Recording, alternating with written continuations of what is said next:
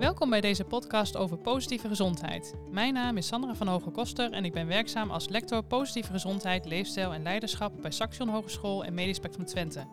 In de aankomende podcast nemen we je mee in het gedachtegoed van positieve gezondheid. Positieve gezondheid stelt niet de ziekte of problemen centraal, maar een betekenisvol leven van mensen zelf. Wat is voor iemand nou echt belangrijk? Waar zou iemand zich op willen richten? Het legt de nadruk op veerkracht en eigen regie.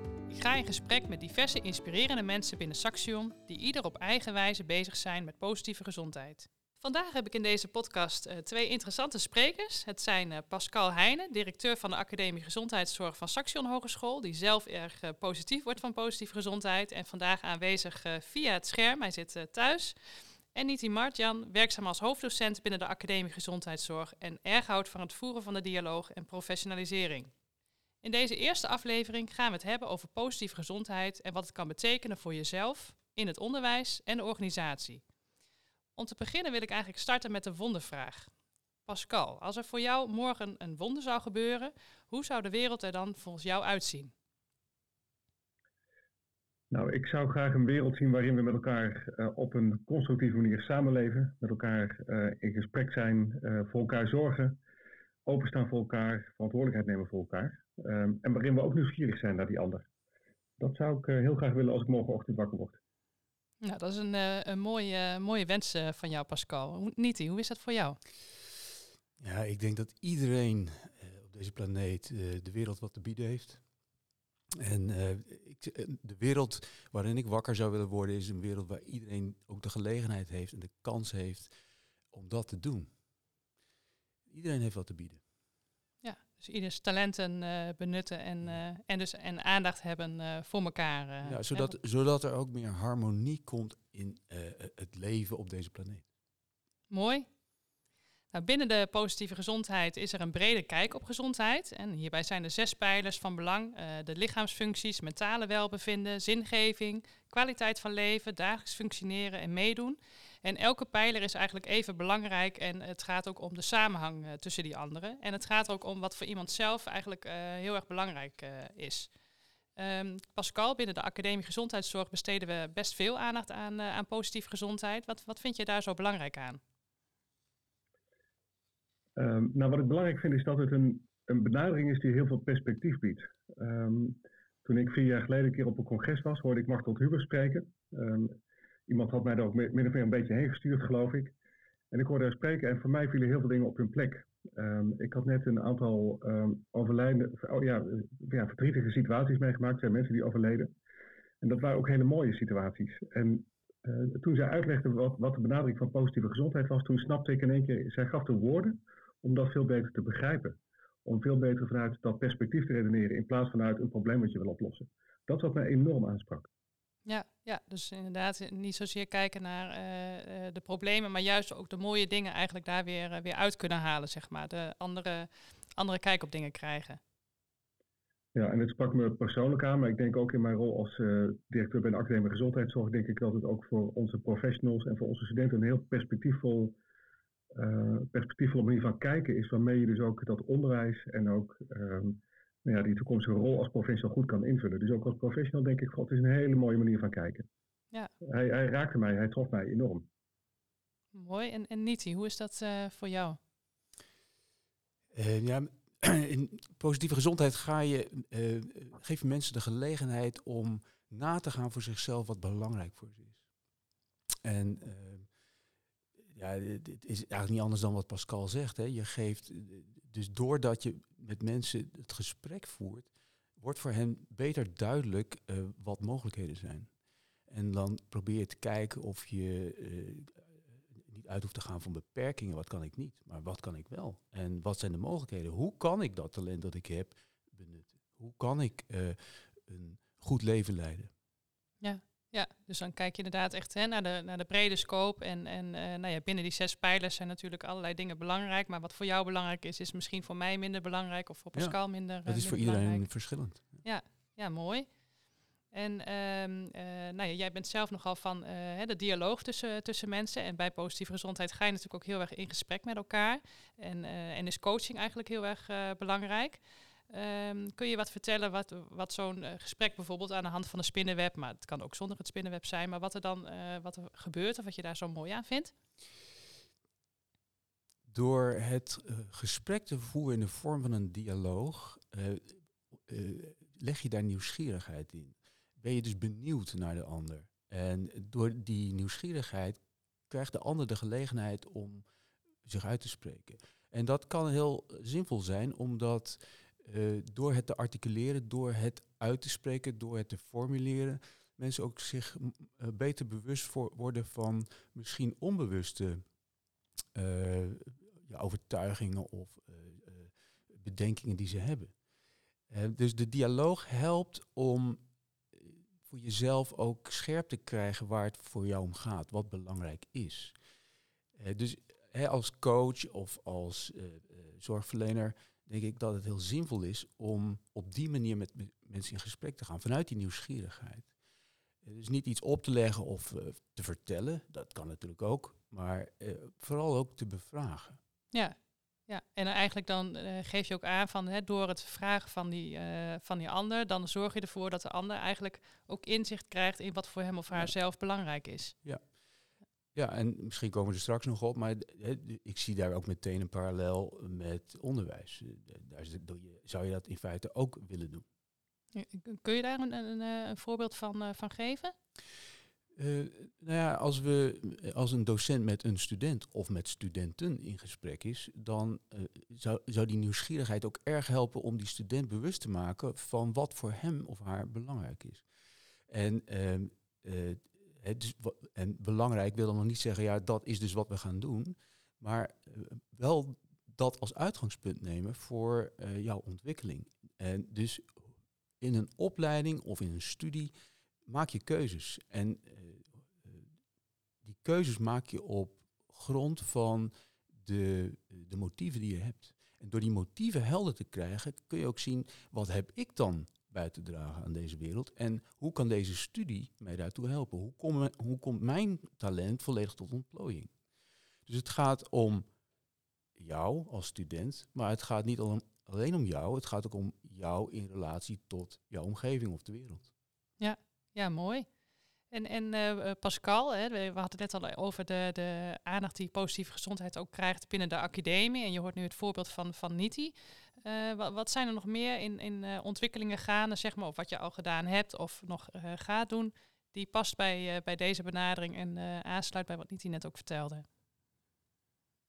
ik kan er een aantal dingen over noemen. Er is sinds gisteren een nieuwe website van het onderzoek van onze academie is online. En daarin wordt aangegeven dat positieve gezondheid de basis is voor de manier waarop wij naar onderzoek kijken. Dus dat is een heel mooi resultaat. Ehm, samen met de collega's in de, uh, in de welzijnssector hebben we ook een visie op gezondheid en welzijn geformuleerd voor Saxion. Die ook heel erg uitgaat van positieve gezondheid. Het gaat ook heel erg over de verbinding tussen gezondheid en welzijn. En als je vervolgens kijkt naar de academie, dan, dan besteden we eigenlijk op drie manieren, op drie niveaus aandacht aan. Uh, we proberen, of we brengen in het curriculum brengen we het thema goed in bij alle opleidingen, voltijd en deeltijd, om onze studenten mee te nemen in dit gedachtegoed. Uh, wat Nivi ook zegt, het is ook de manier, hè, dat is eigenlijk het tweede punt, de manier waarop we naar onderwijs kijken, dus onze didactische visie, die laten we ook heel erg aansluiten bij ook een aantal kernelementen en het mensbeeld wat vervat zit in positieve gezondheid. En het derde niveau waarop we dat doen, is dat we ook onze organisatie zo inrichten. dus hoe kijken wij nou naar onze interne samenwerking, onze onderlinge werkverdeling? En daarin proberen we ook heel erg de elementen die in uh, positieve gezondheid van belang zijn ook terug te laten komen. Dus we proberen daarin ook heel erg congruent te zijn, omdat het ook zoveel handvatten biedt. Dus, dus op die manier proberen we met elkaar het ook als onderlegger te gebruiken. En dat doen we ook omdat we in de samenleving om ons heen zien dat het gedachtegoed van positieve gezondheid op heel veel plekken gewoon heel erg bruikbaar is. En dat ook heel veel organisaties om ons heen heel erg bezig zijn met de vraag hoe je bijvoorbeeld het verbeteren van de gezondheidssituatie of de eh, de, de, sociaal-economische status van mensen, hoe je positieve gezondheid daarin kan benutten. Daar sluiten we dus heel mooi op aan wat mij betreft. Ja, ja mooi. En uh, nou, onlangs hebben we ook een enquête uh, gedaan hè, binnen de Academie Gezondheidszorg. En daar was heel erg uh, opvallend dat studenten met de docent heel vaak het, het, nou, dat gesprek aangaan, waar jij het net ook had, over had, uh, Niti. maar dat het tussen collega's onderling zeg maar, nog wat minder aan de orde is. En nou, dat laatste, wat Pascal ook net zei, van, hè, we proberen dat ook juist heel erg in te bedden, ook, ook in de organisatie zelf.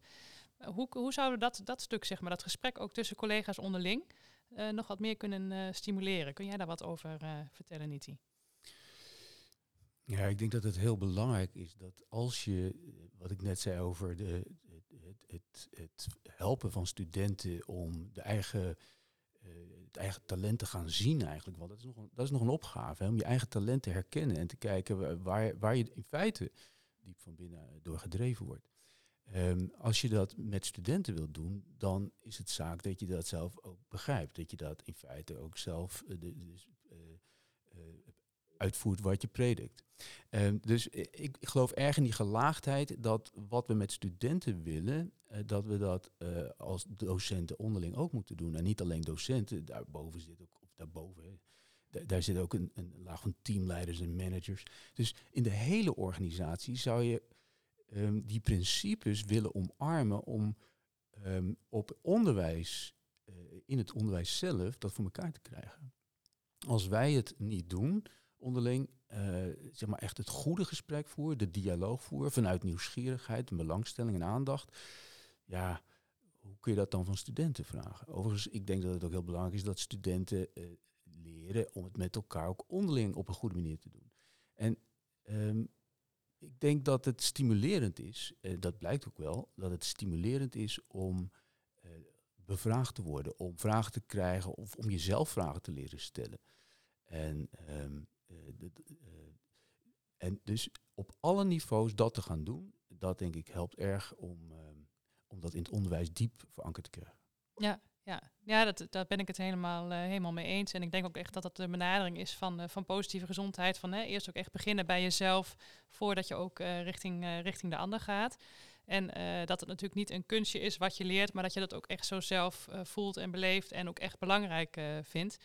En uh, nou ja, Pascal, ik denk dat jij daar zelf een heel mooi voorbeeld uh, van bent in, in hoe je ook aandacht hebt voor, voor, de, voor de medewerkers. Is het ook iets wat je, uh, nou ja, wat je vanuit deze benadering meeneemt, ook in gesprekken met, met medewerkers bijvoorbeeld? Pas je dat op een bepaalde manier toe, bewust of onbewust? Hoe, doe je dat? Nou, ik denk, ik sluit heel erg aan bij wat Niti zegt. Volgens mij begint het bij, bij nieuwsgierigheid naar de ander. Begint het ook met redeneren vanuit mogelijkheden, kijken naar veerkracht er hoort wat mij betreft ook bij dat je in staat bent jezelf kwetsbaar op te stellen. Dus dat je ook de ander daarmee de gelegenheid geeft om ook met jou in gesprek te raken, daar waar het soms misschien ingewikkeld is. Kijk, en ik denk dat we dat best nog heel veel beter kunnen doen dan dat we nu doen. Uh, maar ik ben het wel met niet eens dat je, het is een manier van kijken en denken die je eigenlijk in alles wat je doet zichtbaar zou moeten maken. En een mooi voorbeeld vind ik bijvoorbeeld ook de manier waarop we met elkaar de gesprekscyclus dan, de, de, zogenaamde gesprekscyclus uh, in, invullen dat die gesprekken gaan ook steeds meer over wat, wat, wat individuen, individuele medewerkers willen, wat ze van elkaar nodig hebben. En daarin gaan we ook de gesprekswijze vanuit positieve gezondheid ook als leidraad meenemen. Dus dat, dat gaan we ook gebruiken als instrument. Dus niet meer wat zijn precies de doelen en wat zijn de resultaten waar we je op afrekenen, maar veel meer maar waar zitten jouw ontwikkelkansen, hoe kun je dat samen met je collega's vormgeven en hoe kun je op die manier bijdragen aan dat prachtige onderwijs en dat onderzoek wat we doen. Dus uh, het is inderdaad heel zoeken naar hoe je dat precies doet, maar dat voorbeeldgedrag, daar geloof ik enorm in. Ja, ja voorbeeldgedrag eh, zeker. En uh, het vergt ook oefening. Dus uh, het doen zelf vergt aandacht. Dus het is ook niet zomaar gedaan. we hebben natuurlijk ook een soort van praktijk die, die gaande is en die, die we gewend zijn. Hè. Onderwijs is toch ja, van oudsher wel wat, wat klassiek. En, en daar zijn ontzettend veel bewegingen geweest in de afgelopen decennia. Dus er is heel veel veranderd ten goede. Uh, maar daar kunnen we wel slagen maken. En, en, en dan nog is het niet zomaar gedaan. Je moet dat met elkaar ook oefenen. En misschien elkaar ook heel uh, attent en alert uh, er voortdurend op wijzen. hey, is, dit, is, is, dit de bedoeling? Is dit de manier waarop we met elkaar in gesprek willen zijn? Ja, ja dus elke keer inderdaad ook inderdaad die nieuwsgierigheid naar elkaar toe. Maar ook steeds de reflectie van hè, zijn we op, op de goede weg en daar elkaar ook, ook feedback op geven. En als ik dat nog mag aanvullen, wat we in toenemende mate willen, is dat we professionele ontwikkeling verbinden aan persoonlijke ontwikkeling. Want uiteindelijk wordt een student een professional eh, en neemt hij zichzelf daarin mee. Dus jij wordt de professional die jij bent, met jouw talenten onder. En ja, als je dat recht wilt doen, dan moet je het daar ook over hebben. Ja, dat vraagt wel, dat, dat is nogal wat, dat vraagt dus wel dat je omgevingen creëert waarin dat mogelijk wordt. Waarin studenten dat ook durven en kunnen doen. En waar, waarin ze ook zien dat dat zin heeft en waarde en betekenis kan hebben. En dat ze dat ook met elkaar doen. Dus dat openstellen, dat is heel belangrijk in vorming, in professionele ontwikkeling. als je dat van studenten vraagt, ik herhaal dat eigenlijk, maar dan geldt dat dus ook voor jou als docent. Ja. Eh, nou, en doe dat maar eens. Dus dat is niet zomaar gedaan. En creëer dan omgevingen, creëer groepen, creëer eh, attitudes waarin ook jij als docent eh, die, die, die openheid durft te betrachten. In een, in een veilige omgeving waar mensen ook echt het, inderdaad dat, dat gesprek met elkaar aan kunnen gaan. En daarin ook de kansen en mogelijkheden krijgen om daar vervolgens ook wat mee, eh, mee te gaan doen. Ja, ja dus ehm, eh, het vraagt een soort van omgeving waarin dat eh, ja, min of meer ehm, eh, practice is. Hè? Waarin dat gebruikelijk is, waarin dat, zo doen wij dat als het ware. Ja, en dat je inderdaad zelf ook, hè, dat proef ik ook heel duidelijk bij jullie eh, beiden, dat je zelf ook echt voelt hè, dat het van meerwaarde is en, en eh, betekenisvol is. En op het moment dat je dat zelf ook echt zo beleeft, dan straal je dat ook weer uit naar, eh, naar de ander. En, en nou ja, gaat het eigenlijk ook op die manier voort. Ja, Ja, want als ik misschien nog één concreet voorbeeld mag noemen, ook in het onderwijs. We zien in het onderwijs dat we de afgelopen jaren in toetsing bijvoorbeeld steeds meer toetsing zijn gaan gebruiken om de student te vertellen wat hij goed kan en wat hij niet goed kan.